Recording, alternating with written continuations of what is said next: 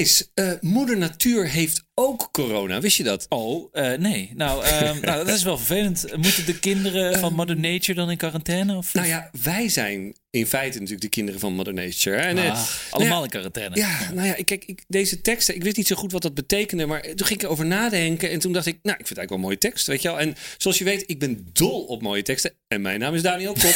Ja, nou, blij dat jij in elk geval zo eh, enthousiast bent. Want ja, ik, ik snap het geloof ik nog niet helemaal. Maar goed.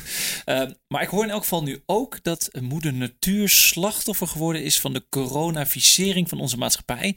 En daar moeten we het toch een beetje over hebben. Mijn naam is Thijs van Dijk en welkom bij weer een nieuwe aflevering Ja. van Bakkie Media.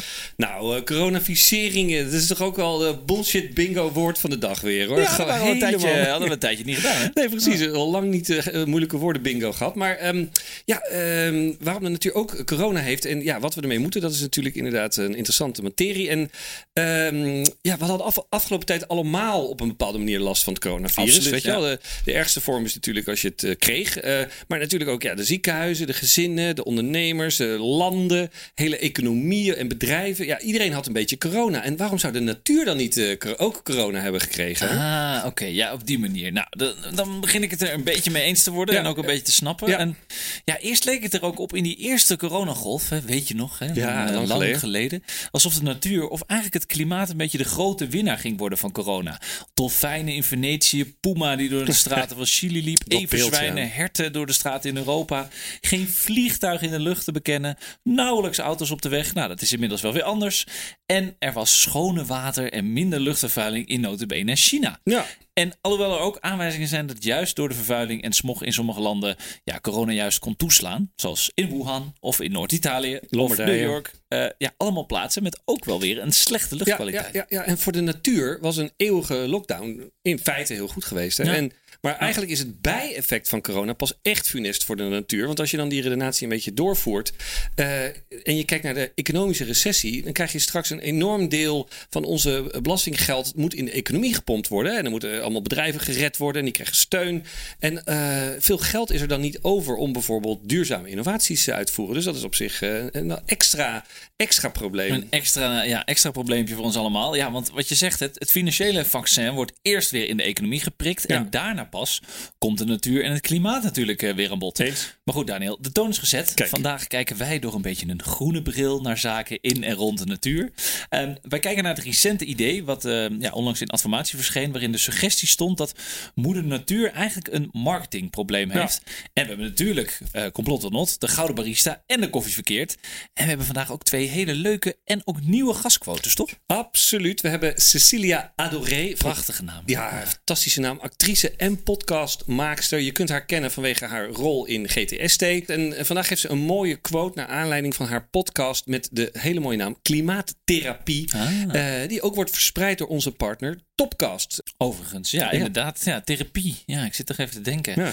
Dus de natuur heeft corona, het klimaat in therapie. Ja, dat gaat helemaal goed, eh, lijkt het We zijn echt lekker spiritueel. Nou ja, weet je, Cecilia heeft best een interessant punt. Eh, er zijn enorm veel mensen die zich zorgen maken ja, om bepaalde zaken. En eh, die zeg maar te maken hebben met, met het klimaat. Maar over gevoelens die daarbij loskomen. Hè? Dus, dus woede, angst.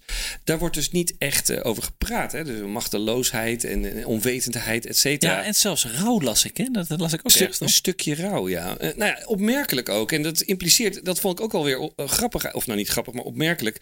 ehm, is dat mensen al afscheid hebben genomen. Weet je, rouw is eigenlijk, oh, het is eigenlijk te laat of zo. Maar nou ja, anyway, eh, Cecilia voert echt, eh, gesprekken in haar podcast met klimaatwetenschappers, met activisten, met journalisten en ook allerlei gespecialiseerde psychologen. Nou, dat, eh, dat is nogal wat. Ja, Ja. nou, eh, Cecilia die komt er zo in. En die helpt ons dan ook een beetje met wat eh, therapie. Misschien Ja, is dat voor ons ook wel goed. hè, mooie je wel. stem ook, ja. Wat rustgevender. Want eh, Ja, af en toe dan eh, zitten wij natuurlijk ook op de snelheidstrein van Bakkie Media. dus misschien wat meer eh, yoga in onze eh, bakkie. Maar goed, Daniel, we hebben ook een tweede quote vandaag. Eh, Soraya Lanting, eh, agile en leadership coach bij onder andere de Rabobank.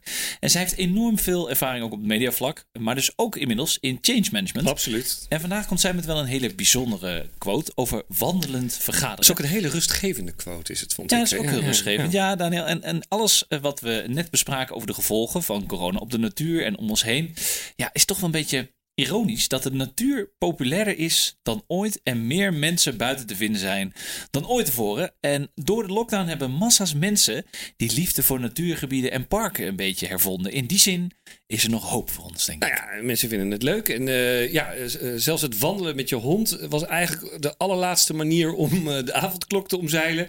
misschien was dat nog wel de dieptepunt van de pandemie. Hè? De corona-honden of de, de leenhonden. Dat is wel echt ja, ook het een is, dingetje. Het is wel bizar eigenlijk. Hè? Dat, dat wandelen, dat is ook gewoon booming business. De verkoop van wandelschoenen en gidsen gaat door het plafond. Hè? De Lonely Planet Walking. Misschien is dat ook nog een leuke, leuke spin-off. The Walking Planet. Beter Ja. dan The Walking Dead. Die natuurlijk inmiddels eh, afgezien Ja, mooie serie. Eh, dat is heel anders. Dat is Ja, een andere dat is- pandemie. Dat is een andere pandemie. Nou, zo kan het ook. Dat je dan eh om je heen zit met al die zombies. Nou, dat is het inmiddels voel ik me inmiddels wel een beetje een zombie. na Al die eh, coronamoeheid. Je bent dat een soort terzijde. videocall zombies. Voor de videocall zombies. Ja, precies. Maar wat wel gebeurd is door die, door die booming business van dat wandelen. Er gaan al die wandelapps, die komen ook als, als paddenstoelen uit de grond omhoog. Ja, en, en het is dus zelfs de jongeren die hebben het helemaal omarmd, toch? Ja, dat is, dat is echt niet normaal. Bijna de helft van hen doet dat nu. En 84% van de jongeren is van plan ook na corona vaker de natuur in te gaan.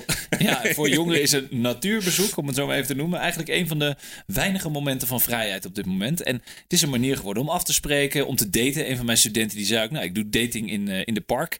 eh, met een hippe hazelnootlatte in de hand en dan eh, leuke tasjes en hartstikke leuk. Ja. Maar wat ik ook opmerkelijk vond, jongeren geven dus ook aan dat influencers via social media een, een grote invloed kunnen hebben op de populariteit van een bepaald natuurgebied. Ah, niet te geloven. Nou, dat is weer eens wat anders. Hè? Dat Ja. is influencing the nature. Eh, en natuurlijk ook nog, eh, het is de mogelijkheid om spannende of mooie selfies te maken. die dan weer Instagram-worthy zijn. Nou, ik zie een trend eh, ontstaan van Netflix en chill naar picnic en chill. Wat vind je daarvan? Picnic in chill. Nou ja, ik las dus dat Victoria Koblenko dus eh, heel graag lange wandelingen maakt. Er zijn wel meer bekende Nederlanders die dat doen. Maar dan zit ze dus Netflix te kijken op haar telefoon. Wel een beetje gevaarlijk, denk ik. Ja, maar misschien als je dan een heel groot grasveld hebt of zo, dan- kom je niet tegen Op een aan. museumplein en. Rondjes. Ja. Maar nou ja, dus de combinatie van Netflix en picnic en chill en walking, dat is dus ook nog een ding. Maar, ehm, maar dit brengt ons eigenlijk al direct bij onze nominatie voor de Gouden Barista. Eh, ja, en mocht je dat gemist hebben, Ja, dan- dat, dat kan bijna niet, toch? Nee, nee, je kan dat niet gemist hebben. Maar dat zijn dus onze awards, de Bakkie Media Awards, door Bakkie Media. Hè, we zijn zelf de jury. eh, voor jullie, de Bakkie Media luisteraars.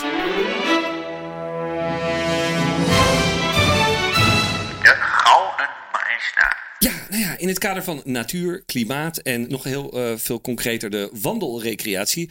Eh, momenteel wandelen er dus 11 miljoen mensen. Heb ik ergens gelezen. Echt niet normaal. Echt gewoon heel Nederland. Eh, behalve de mensen die niet kunnen lopen. Heel Holland wandelt in plaats van heel Holland bakt. Ja, nee, precies. Ja. En dat is echt superveel. En onze nomi- nominatie voor de Gouden Barista, dat is in principe al iets ouder, een jaartje oud, maar het is relevanter dan ooit. Het is de wandel-app met hersenprofessor Erik Scherder, ommetje voor de Maar Hersenstichting. dat is echt een top-app. Ja. Ja, kijk, het is echt, als je daarin verdiept, dat is echt heel cool. En deze werd ont- ontwikkeld omdat de jaarlijkse collecteweek afgelopen jaar, vorig jaar, eh, vanwege corona niet kon doorgaan. Een, echt een geweldig staaltje omdenken, vind ik dit. En creativiteit. En Absoluut, ja. ja, en er doen al geloof ik net iets onder de miljoen mensen mee. En de app stond echt gewoon maandenlang bovenaan de rankings van allerlei verschillende app stores. En, en nu nog steeds heel hoog. Ik heb het nog even gecheckt. Ja, ik vind het een geweldig initiatief eh, van Misha van Hoorn en eh, Better Together Agency. Vind ik ook een mooie naam. De Better Together Agency. Ga je samen een ommetje maken. Tag. Eh, en het is geprogrammeerd door Canvas Heroes. En Oké. ja, een beetje shout-out bij deze, wat reclame. Dikke pluim voor deze gasten. Ja. En ja, wat ik nog extra slim vond ook, is dat het eerst vooral een beetje populair was eh, onder vrouwen. Maar toen werd er een soort van ja, gamification, competitie-element Ja. eh, eh, aan toegevoegd. En toen ineens kreeg het ook tractie onder de mannen. Ja, gek hè? Wij hadden natuurlijk wel een beetje van een competitie-elementje. En ja, brengt ons een beetje achter de gameconsole vandaan, denk ik. Het is Nou, een beetje de, wandelen. de voetbalpool, maar dan de wandel. Maar dan de- anders. De, De wandelpool. Ja. dus dan kreeg je in feite meneer Storm, meneer Edgar van de Zeker. directeur. Kreeg er een wedstrijd-element aan toegevoegd. Nou, wel leuk. Ja. Zo, wat heb jij op je brood zitten? Een, Daniel. wan- een wandeling. Maar goed, eh, ja, nou, eh, die app Ommetje, dat is al bijna gemeengoed geworden. En zo kunnen afdelingen van bedrijven het ook echt tegen elkaar opnemen. En diegene die het meeste en nou ja, flink doorloopt, zal maar zeggen, die staat dan te shinen op de digitale teamsborrel. ja, stuurt er ook nog een goed, goed doel mee. Nou, dat is toch hartstikke mooi? Ja, dat is ook super slim. En dat ze dus eh, ook uiteindelijk ook, wat ze ook toegevoegd hebben, is dat ze dus via don- donaties van bedrijven de, ook extra donaties konden ophalen. Dus dat je eigenlijk als inderdaad het hele bedrijf, en dat zit natuurlijk ook een beetje in het hele competitie-element. Nou, wel heel leuk. En eh, dat maakt ook inderdaad zo'n initiatief eh, ook echt super slim. Of eh, super sympathiek als er ook zo'n goed doel aan verbonden zit. Maar Thijs, niet om de pret te bederven. Elke gouden barista heeft ook een tegenhanger. De koffie verkeerd. Wat heb je gevonden? Nou ja, dit is eigenlijk een klein beetje een no-brainer als we kijken naar de natuur en de rol van de wandelende mens. Hè? Oh. Dus dan eh, de walking humans. Homo, homo ambulance? Mooi Eh, hoor. Ja, ik ik veel, wat, homo- eh, ja, homo ambulance. Even voor degenen die straks weten dat het Latijn niet klopt. Je mag ons corrigeren. Het klopt maar ook niet, volgens maakt mij. geen bal uit. Nee, ja, een paar weken geleden was natuurlijk de eerste echte mooie dag van het jaar. En toen stroomden letterlijk alle natuurgebieden vol. Studenten met volle plastic tassen, met barbecues. en Hele barbecues. ja, wandelende hipsters met een vegan latte, glutenvrije muffins. Overspoelde letterlijk de Park van Nederland. Ik was er trouwens ook bij. Ik stond ergens in het Rembrandtpark. Jij was ook een van de millennials. Ik, was ook een van latte. millennials. Ik vond een park in Amsterdam zat er vol mee. Westbroekpark in Den Haag. Maar ook park in Rotterdam, Breda, Tilburg. Bommetje vol. Werden ook af en toe eh, leeggespoten door een eh, nou, waterkanon. Eh, maar goed, allemaal logisch. Maar vervolgens lieten die studenten dus gigantische hopen rotzooi achter. Pizzadozen, koffiebekers, plastic tassen en zelfs hele kratten bier werden gewoon achtergelaten. Ja, en ja, ik vind het wel ongelooflijk asociaal. En ook wel weer een dikke middelvinger naar onze natuur. En, en ook je medemens, die dat natuurlijk moet gaan opruimen. Maar goed, misschien moeten we deze onopgevoede ASO's maar geen koffie verkeerd geven. Want anders flikken ze die straks ook de grond. Ja, ik kan hier echt zo slecht tegen. Echt met, met elkaar allemaal een beetje woke doen en klimaatdemonstraties. En dan vervolgens eh, draai je je om en dan flikker je gewoon een hele krat bier gewoon ergens de sloot in. Je moet echt die foto's eens kijken op, eh, op internet over, eh, over dit Ja, onderwerp. de gemaksconsument, hè. Ik wil niet, Ja. wil niet lopen naar een prullenbak. Dus dan flikker je het gewoon in de sloot. Ja, Nou ja. Misschien moeten ze die influencers waar we net tegen eh, over hadden, die eh, de selfies maken in de natuurgebieden, even vragen om even voor te doen. Hoe je je rotzooi gewoon meeneemt of, of in een prullenbak gooit. eh. Oh ja, of we ontwikkelen een soort add-on op de Ommetje-app. Waarbij je een extra punten verdient als je afval opraapt en weggooit. Pling, of een soort hollebolle gijs. Ja. Of het, en dan noemen we hem emmertje. Ja, ja man, met dat bukken en dat oprapen van die, eh, van die eh, bierkratten doe je ook gelijk squats, weet je wel? Dat is wel, je- eh, fijn. Ja, dan heb je dus gelijk een soort gratis workout. Zo'n win-win, dat is echt een top idee. Dus Misha en Erik, dit moet je even meeschrijven. Dit is echt een, een goede plugin. Emmertje, mooi. Ja, nee, maar goed Thijs, nog even terug naar Ommetje. We hebben vandaag iemand die nog voordat Ommetje bedacht was, al wandelmeetings deed. Oh. Ja, en deze ook als een soort perfecte manier zag om ja, inspiratie buiten het scherm eh, te krijgen. En walk and talks noemt zij ze. Eh, maak je klaar voor een fijn, rustgevend advies van Soraya Lacher-Lanting. Soraya, kom er maar in. Nou, als er één positief effect is van corona, dan is het dat we niet meer vergaderen in een hokje, soms zelfs van ramen of enig daglicht. Dat dat voorbij is. Nou, waar we dus eerst zagen in het begin van de pandemie dat iedereen datzelfde gedrag ging kopiëren en alleen maar binnen ging zitten eh, achter zijn of haar beeldscherm de hele dag door, is het gelukkig zo dat vorig jaar al en steeds meer mensen naar buiten gaan om te vergaderen. Wandelend vergaderen. Nou, ik ben er heel groot voorstander van. Want het is wat mij betreft echt dé oplossing om effectief aan het werk te blijven. En toch niet aan je beeldscherm gekluisterd te zitten. Dus eh, de walk and talk is voor mij het ding wat ik nu doe. Zelf, maar wat ik ook aanraad eh, eh, en eigenlijk toepas. Als ik workshops geef of als ik mensen coach. Gaan gewoon naar buiten, we lopen, we bespreken dat wat we te bespreken hebben. En eh, geloof het of niet, maar we komen altijd tot betere resultaten. Dan dat we naar elkaar kijken via een scherm en ja, toch wat opgesloten binnen zitten. Nou, een walk and talk, wat is dat dan? Op zich denk ik dat het vrij duidelijk is. Hè? Je loopt en je wandelt, je talkt. Maar ehm, dit kun je zowel doen als een deelnemer, dus echt zelfstandig. Je doet gewoon je oordopjes in en eh neemt deel aan de meeting. Ja, uiteraard op afstand. Maar je loopt gewoon. Hè? Als je niet een hele actieve bijdrage hoeft te leveren, dingen te tekenen, documenten hoeft te openen, et cetera, dan is dat prima. Maar het is eigenlijk nog fijner om samen met een collega wandelend te vergaderen. En in mijn geval is dat een collega, maar dat kan soms ook gewoon zijn iemand, eh, iemand die je coach. En waarom dan? Waarom is dat zoveel beter? Ja, ten eerste gewoon simpelweg buiten zijn betekent dat je even weg bent van je bureau. Daarnaast is het natuurlijk zo dat bewegen gewoon heel goed is voor je fysiek. Weet je, ik bedoel, het hele zitten, eh, eh, ja, dat doet niet zoveel voor je spieren. Je hoort de kilo's, de coronakilo's die aankomen. En dat ga je dus allemaal tegen als je buiten bent. Naast het fysieke aspect is vooral ook het mentale aspect belangrijk. En de natuur is daar super goed voor. Er zijn enorm veel onderzoeken dat alleen al het uitzicht op groen vanuit je huis je blijer maakt, positiever, minder ziek. Als je in de natuur loopt, is dat alleen nog maar groter. Want buiten wandelen brengt gewoon een hele andere energie. Een hele fijne, positieve energie.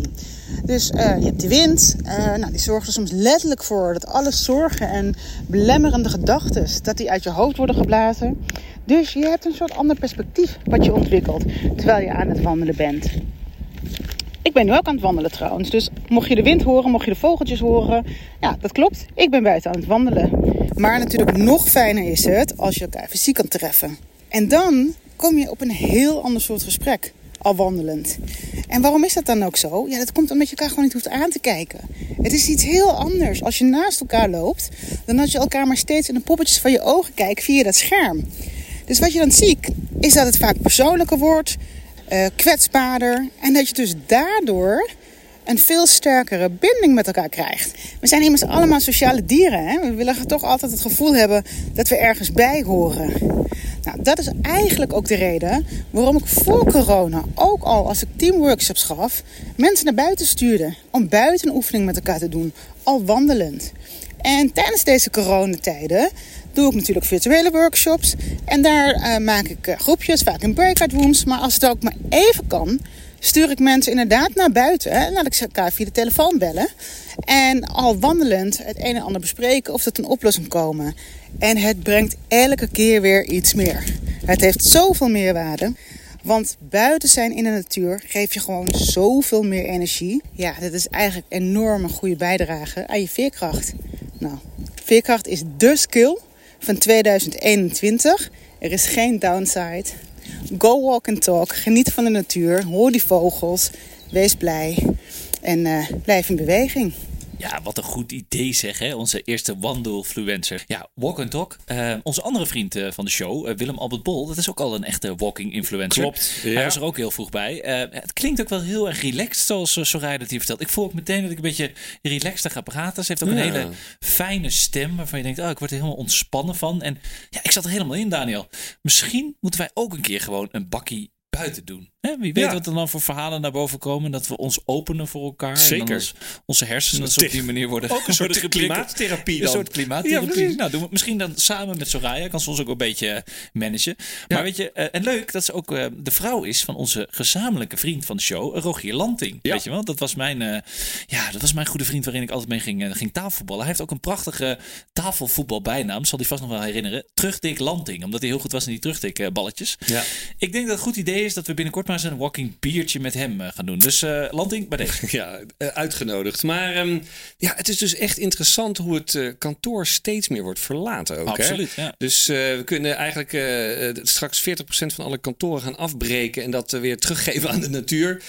dus we videocalls doen we gewoon thuis. we vergaderen wandelend, lekker in de natuur. En ja, dus dat kantoor is straks helemaal niet meer nodig. Heb je alleen nog maar nodig straks om je, om je laptop en je telefoon en je headset op te halen. En aan het einde van je contract lever je weer in.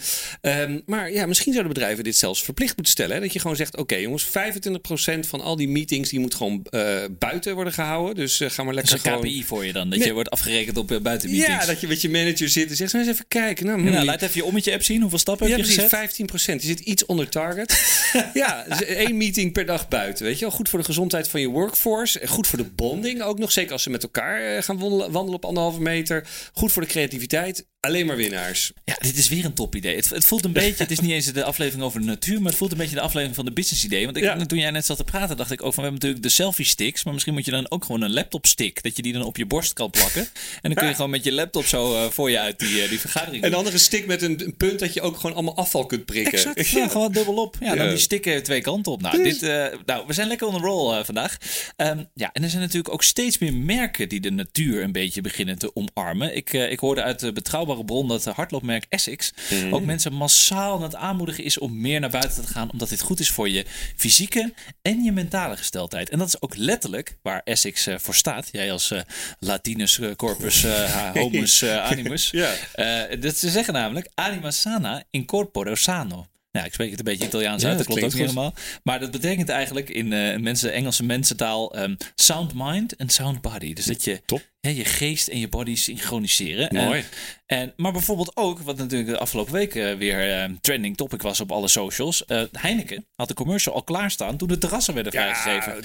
Ja, dat was ook wel weer een eh, legendarisch moment, toch? Timing was wel echt helemaal top. En had weinig met natuur te maken, moet ik zeggen. Maar wel met het gevoel dat je dus die hekken opengooit en iedereen naar buiten stormt. Ja! En dan zag je skileraar Rudy van, eh, nou ja, ook twintig jaar geleden. Ja, Ja, precies. mooi. Die zijn coronabaard had afgeschoren. En dan, hey, biertje roept eh, op het terras. Hè. Echt super mooi. Nou, het heeft natuurlijk wel deels wat te maken met de natuur. Want de allereerste commercial van Rudy was natuurlijk in het eh, berglandschap Tirol. Waar Ja, hij tussen de geitjes is eh, skileraar, ja. liep. Dus we moeten een klein beetje die referentie. Ja, ik, ik voel hem wel. Ja, dan heeft Rudy natuurlijk speciaal zijn oranje Japanse hemd aangedaan. Speciaal voor de sportzomer. en speciaal natuurlijk ook voor de Olympische Spelen Ja. in Tokio. Ik hoorde net dat ze wel doorgaan. Ondanks dat het helemaal afgesloten is daar in Tokio. Allemaal een noodtoestand. Maar ze gaan toch door, zegt de premier. Allemaal in de bubbel. Wel een mooi detail eh, van Heineken, moet ik zeggen. En, en daarover gesproken, Daniel. Hoe, hoe, hoe kijkt men eigenlijk in sommige verre culturen naar de natuur? En dan buiten ontspannen eh, of werken? Hmm, Oké, verre culturen. Nou ja, goed. Hè? Ik als eh, verre culturen-expert. Expert, jij bent overal expert in ja, precies. Nou ja, zoals ik het begrijp, zijn Japanners juist doodsbenauwd voor hun eigen eh, natuur. En dat is ook wel echt terecht, want veel dieren die daar leven zijn extreem dodelijk. Je hebt namelijk echt reuzenwespen. Nou, die zijn echt, denk ik, een centimeter of twee, drie groot. Een soort horzels. En dan heb je ook nog duizendpoten die je gewoon helemaal kunnen verlammen. En allemaal dodelijke kwallen in het water. En vergeet ook niet de, de, de, de aardbevingen en de tsunamis. Het is echt levensgevaarlijk. Leuk land is dat, in Japan, hè? Nee, Ja. precies. En dan krijg je dus een tegenreactie. Wat ik dan ook wel weer echt helemaal interessant vind. Is dat ze alles doen om de natuur onder controle te krijgen. Met de geknipte bonsaiboompjes. En dan hebben ze een speciale bloemschikkunst. Weet je, waar ze al die kersenbloesem helemaal mooi schikken.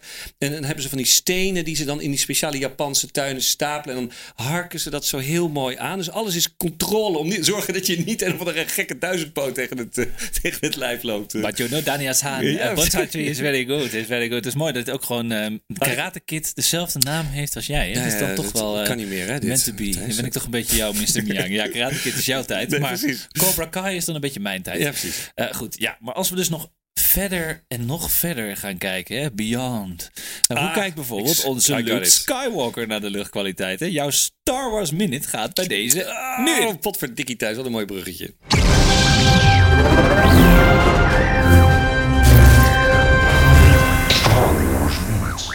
Ja, Luke Skywalker nou, die houdt wel van een stukje natuur hoor. Ja hoor.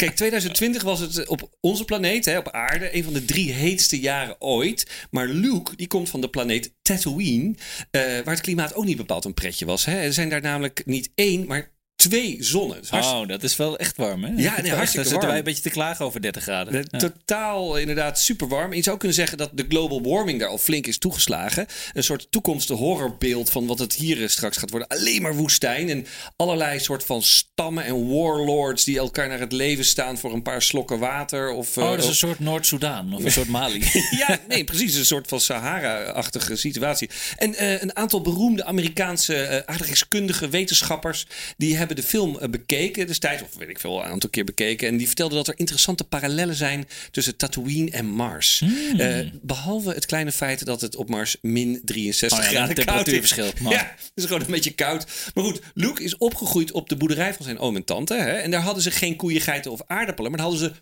vocht. Hè? Moisture farmers waren het. Ze maakten water uit de lucht. En denk je, oh nou hartstikke mooie science fiction. Maar dat is exact wat ze nu op plan, van plan zijn op Mars. Dus geen Star Wars, maar eh, Star Water. En misschien was bier lekkerder geweest. Maar nou, het is wel echt een, eh, mooi stukje techniek. wel erg grappig. Ook wel weer een mooie inhaker voor Heineken. Weet je wel, eh, ze zeggen natuurlijk Serving the Planet. En nu doen we ook Serving All Planets. Star Mars. Ja, echt, eh, echt grappig dit. Hey, ehm, ja, gisteren of zo was er, was er nieuws vanaf Mars ook hierover. Ehm, het karretje dat daar op dit moment eh, ook rondrijdt, eh, de Mars Rover, Ja. niet, te, niet te verwarren met de Tesla die in, de, ja, in space eh, zit. Ja, die heeft zuurstof gewonnen uit de koolstofdioxide die er in de, in de lucht hangt. Dat is ook wel een beetje bizar, toch? Nou ja, dit is dus wel echt een eerste stapje voor de kolonisa- kolonialisatie van, eh, van Mars. En uiteindelijk eindigen we allemaal op eh, Mars. Of nou ja, Tatooine dan eh, eigenlijk. Maar trouwens, over een paar dagen hè, vieren Star Wars fans hun, hun eigen feestje op 4 mei. En dan zeggen ze tegen elkaar: May the 4th be with you. Schitterend. Ja, heel mooi, heel mooi. Mede voor, voor mij vier. En als je je verveelt op die dag, heeft Disney Star Wars ehm, eh, acteurs, hè, dus de, de- de acteurs die spelen in de, in, de, in de film, die hebben ze een verhaal eh, laten voorlezen. Oh, en, kijk Ja, dus eh, Daisy Ripley heet volgens mij. En als je Star Wars stom vindt en dan nog niet afgehaakt eh, bent en nog steeds aan het doorluisteren bent, dan kun je ook de stemacteurs van Frozen, Lion King, Vaiana of Toy Story beluisteren als je Ah, ja, gaat goed. wandelen. Nou, dan zit ik, omdat ik al helemaal gespamd word met al die Star Wars minutes, zit ik even Frozen op mijn headset. Ja. Want dat is toch een beetje het let it go. Weet je, dat past dan toch beter bij, Ja, het, eh, bij het thema. Goed, maar gaan. heel even terug eh, naar de natuur in onze galaxy, hè, op onze planeet. Kijk, daarnet hoorden we Soraya al wel bespraakt een soort van landspreken voor de natuur. Maar in dat recente artikel waar we ook al in de introductie aan refereerden van de adformatie, werd een interessante stelling neergelegd over de natuur. Hoe, hoe zat dat ook weer precies? Nou ja, de, schrijver van dat artikel, Andy Mosmans, die, had allerlei, eh, die haalde allerlei voorbeelden aan hoeveel mensen met de natuur gingen. Maar eh, hij begon, en dat vond ik, dat triggerde me wel. eh, dat vond ik wel een interessante gedachte. Dat moeder natuur een brandingprobleem heeft. Hè? Ah. En in de meeste verhalen op dit moment hoor je namelijk dat de natuur vooral slachtoffer is. En eigenlijk vrij wordt neergezet. En ja, zo van wij mensen die staan boven of tegenover de natuur. En heel langzaam wordt die dan door ons kapot eh, gemaakt. En in dat narratief zijn wij zelf geen onderdeel ervan, maar een soort van de, de, de vijand. Maar ja, het is toch best wel een, een, een zielig eh, moedertje eigenlijk. Ja, In- ik in- vind het wel een bijzondere visie ook van meneer Mosmans. Eh, Wel origineel, dat dan wel. En ja, hoe zou je de branding van de natuur kunnen opkrikken? Hoe Ja. kunnen we de zieligheid een beetje stoerder maken? En ja, wat je net een beetje vertelde over de Japanse natuur, ja, dat klonk wel behoorlijk badass. En dan niet die gestapelde stenen, maar misschien dat eh, heel prachtig dat bonsaiboompje knippen zo. Ja, nee, ja, dus eigenlijk zou je dan een soort campagne moeten bedenken met, met uitbarstende Mount Fuji en eh, wilde stormen op zee eh, met de hoge Giant golven. waves in, eh, Portugal. eh, Nature strikes back.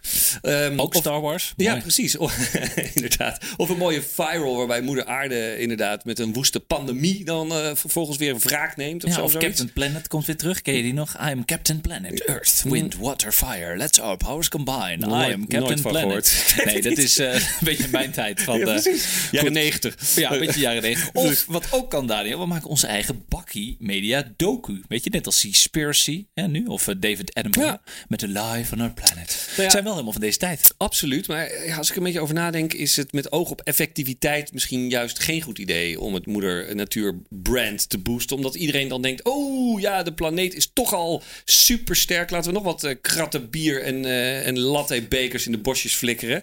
Eh, misschien is dus juist die reverse eh, psychology, eh, psychology misschien wel wat effectiever op dit moment. Ja, Eh, het is wel interessante gedachten allemaal. Maar weet je wat? Ehm, we hebben deze vraag ook heel even voorgelegd aan iemand die er wel wat vanaf weet. Hè? Een eh, echte klimaatkenner en onze mede-podcastmaakster eh, Cecilia Adoré. Eh, kijken wat zij ervan vindt. Hey Daniel en Thijs. Ja, heeft de aarde een brandingsprobleem? En is de natuur niet veel sterker dan hoe we haar nu neerzetten in de media? Nou, ik denk eigenlijk dat het iets goeds is dat de media de natuur nu vaak neerzet als weerloos en kwetsbaar. Want dat is ook wat ze is tegenover de mens op dit moment. Of ik moet zeggen, tegenover de westerse kapitalistische mens. Sinds het begin van het christendom is het idee ontstaan dat de aarde, de natuur, er is om ons, de mens, te dienen. En eh, helemaal in de laatste generaties zijn we gaan leven in een tijd van oneindige groei en expansie. En de aarde echt als iets gaan zien wat we kunnen uitbuiten, waar we winst op mogen maken. En daarin is denk ik onze relatie met de aarde verstoord.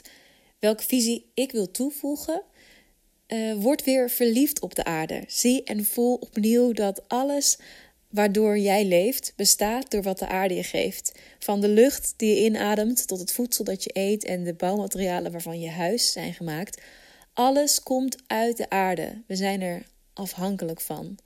En we moeten er daarom ook goed voor zorgen of zien dat we er een onderdeel van zijn. Dat we eigenlijk maar in één heel klein gesloten ecosysteem leven en dat alles wat wij doen direct effect heeft op dat ecosysteem.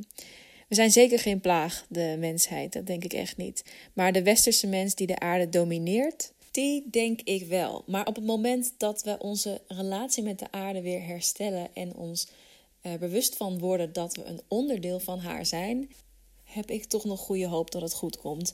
Als je hier meer over wil weten, zou ik de boeken van Thich Nhat Hanh lezen of het werk van Matthijs Schouten eens bekijken. Hij is natuurfilosoof en hij weet hier veel duidelijker nog veel meer over te vertellen dan ik.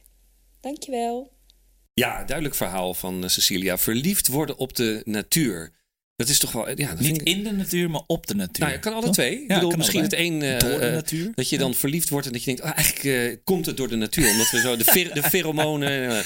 Maar goed, ik vind het een schitterend principe. Weet je, het herwaarderen van het natuurschoon om je heen. Het is een beetje alsof je je eh, ingedutte relatie nieuw leven inblaast. Weet je wel, een mooie symboliek. Ja, en dat oneindige groei niet ongestraft kan plaatsvinden. Ja, daar hebben we het hier natuurlijk wel vaker ook over gehad. En dat de aarde als businessmodel dient, waar we winst op kunnen maken. Ja, dat zegt ze wel erg mooi, vind je niet? Nou ja, en ik vind ook inderdaad die, die klimaattherapie daar, dat, dat, vertelt ze op zich niet verder niet iets over. Maar dat vind ik eigenlijk ook wel heel leuk bedacht. En ik, volgens mij is- dat ook absoluut eh, eh, markt voor. Waar ik wel nog een kanttekening bij moet plaatsen, is eigenlijk de nadruk die ze legt op de westerse mens. Hè. Die noemt ze een aantal keer, eh, ook het christendom. Eh, en alhoewel wij in het eh, Westen natuurlijk ja, enorme verantwoordelijkheid hebben. Want wij zijn natuurlijk begonnen met al die ellende.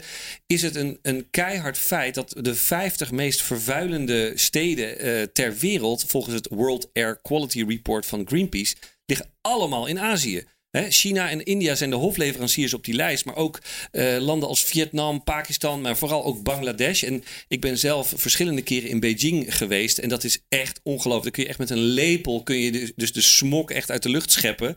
En laten we eerlijk zijn, eh, de we- westerse mens die moet echt eh, zijn leven beter, maar de oosterse mens ook hoor. Hey. Ja, nee, absoluut. Gewoon de wereldburger. Nou Ja. ja. en de afgelopen maand was natuurlijk ook het nieuws dat in Kathmandu, zo'n prachtige naam, hè, de, de hoofdstad van Nepal, de scholen dicht moesten. En niet omdat er nou te veel corona was, maar vanwege de luchtvervuiling. Dus dat is ook wel weer eh, bijzonder, vind niet? Ja, ja, ja, ja. Dus in die zin eh, is het, kunnen we eigenlijk op de hele planeet eh, kunnen we wel aan de bak. En er zijn maar een paar landen die het echt heel lekker doen. eh, De Finlands en de IJslands van deze wereld.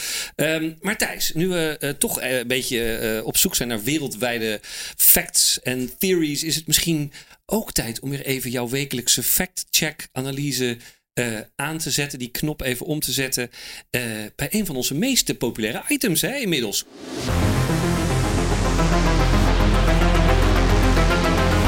Complot. Ornot. Ja, Daniel, en deze week doen we het net even wat anders dan dat iedereen van ons gewend is. Eh, we doen namelijk een complot or not quiz.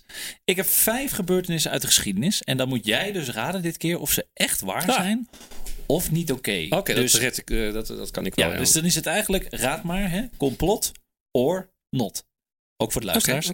Eh, bedenk maar of het waar is of niet. Eh, achteraf geef ik natuurlijk de antwoorden. Ben je klaar voor, Daniel? Ik ben klaar. Complot nummer 1. de Dalai Lama werkte jarenlang voor de CIA als meesterspion. Waar of niet waar? Nou, dat lijkt me niet. Hij is volgens mij veel meer een soort vrede. Dit is een complot. Oké, complot nummer 2. Disney heeft destijds de film Frozen, waar we het net ook al over hadden, bedacht om het zoekalgoritme van Google te wijzigen. Zodat wanneer mensen Disney Frozen opzochten, er informatie opkwam over deze film en eh, niet over het feit dat Walt Disney zijn lichaam had laten invriezen. Disney Frozen, complot or not? What the fuck? Nee, dit is ook bullshit. Dit is ook een complot. Ga lekker zo. Oké, gaat lekker zo. Oké, nou, complot nummer drie, of not nummer drie. Eh, de US Air Force heeft ooit in het verleden een gay bomb ontwikkeld. Jezus, nou ja, ze zijn vast niet allemaal nep. Dus oké, deze is dan waar, denk ik. Nou, we zijn op bij Oh, nummer vier. Je dit is gaat, moeilijk, eh, jongens. Je gaat lekker door, je gaat lekker. Ehm, nou, nummer vier. Er is een verband tussen de Amerikaanse geheime dienst eh, NSA en de Illuminati. Het geheime genootschap van verlichters. Bestaat dat überhaupt? Ehm, nee, dit is echt niveau 5G zendbasten. Complot. Oké, Oh, nou houd je allemaal- vast. Eh, we zijn al aangekomen bij de laatste. Eh, ja, optie nummer 5. Osama Bin Laden, wie kent hem niet, Ja. werd ooit gepakt met behulp van een nep vaccinatieprogramma. Wauw, jezus ja. Nou, dit klinkt zo bizar. Dit zal wel waar zijn. Ik geef dit, eh, dit is een not. Dit is, eh, ja, ik, I don't know. Nou, Daniel, hou je vast. Eh, we gaan even naar de uitslag. Ja. Ehm, het enige wat van al deze verhalen niet waar is, die ik je vertelde, is die van Walt Disney. Disney Hè? Frozen. Dat was een complottheorie. Oh. De rest is allemaal dus echt gebeurd. Echt? En dus geen complot. Hoe ook de, dan? Ook de gay bomb. Die vond ik er Ja. zelf ook wel heel erg eh, ongeloofwaardig. Maar ik moet je nageven, je had er twee van de vijf goed. Dat is onvoldoende. Ik ben wel benieuwd eh, hoeveel onze luisteraars eh, goed hadden. Laat dat vooral achter in, in de comments. Ho, ho, ho, ho, ho. Thijs, wacht even. Ik, heb even, ik moet dit even verwerken. Ik wil, je hebt dit allemaal natuurlijk allemaal voor zitten bereiden. Dalai Lama, Bin Laden. Ik heb even iets meer onderbouwing nodig. Ik Nou, kan, kan kan, het allemaal gaan googlen, maar... Kan ik me voorstellen. Oké, nou, ik zal het even uitleggen. In de in CIA-documenten stond dus dat de Dalai Lama, eh, als een soort uh, ja, uh, old school James Bond, Operative. 180.000 dollar heeft gekregen voor zijn rol in het, uh, in het Tibetaanse verzet okay. tegen, tegen China. Oké. Okay. Is dus echt gebeurd. Um, en de US Air Force over de gay bomb, die heeft ja. dus ooit verregaande plannen gemaakt om middels een, ja, die, die gay bomb vrouwelijke pheromonen te verspreiden, zodat de vijandelijke troepen zich tot elkaar aangetrokken zouden voelen. Ja, alleen die bom is nooit gegooid. Dus hij is wel gemaakt, maar hij is nooit uitgeprobeerd in de praktijk. Fair ten, enough. Ten opzichte van de Nepal-bom, die mm -hmm. dus wel ooit uh, gegooid is. Nou, en dan ook uh, de NRC en de Illuminati, die is echt uh, heel mooi. Kijk, die is namelijk heel makkelijk. Als je het woord Illuminati achterstevoren intypt, nou, dat is Intanimuli en dan .com toevoegt, dan kom je dus op de website van de NRC. Niet. Doe het even live en kijk maar even klopt. Wacht even hoor.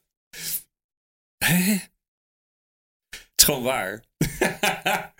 maar is dit een grap? Nee, dit is, dit is echt gebeurd. Dit is gewoon echt alleen wat gewoon... daar dan achter zit. Het is, ze noemen het dan een zogenaamde redirect. Dus wie dat dan bedacht heeft, zal, kan ook wel weer een uh, ja, grap zitten. Of misschien zit de QAnon er wel achter. Dit is weird. Wie hey, weet het. Hey, hey, en het nep-vaccinatieprogramma rond Bin Laden. Want het is ook iets hoor. Zo nu in de tijden van vaccinaties is het natuurlijk ook echt debiel. Wat, ja, wat was dat dan? Je, je zou het denken. Hè? Kijk, de CIA voerde toen de tijd een vaccinatieprogramma uit in de regio in Pakistan. Waar Bin Laden zich in de grot uh, schuilhield. En ze konden dus het DNA van, ja, van zijn tante uh, uit de VS matchen met het DNA van zijn kinderen. Dus dat was een soort familieband. En ja.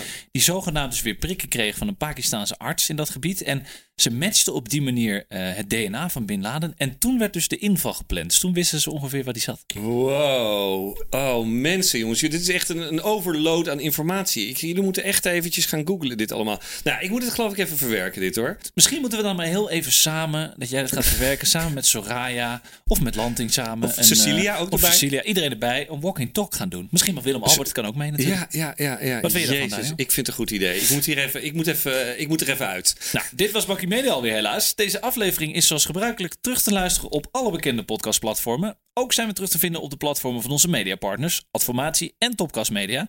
Je kunt ons uiteraard ook volgen op social media. Op Twitter via @bakkimedia, op Instagram via @bakkimediapodcast en ook op Facebook voor onze familie en vrienden zijn we te vinden. Tot volgende keer. Hoi.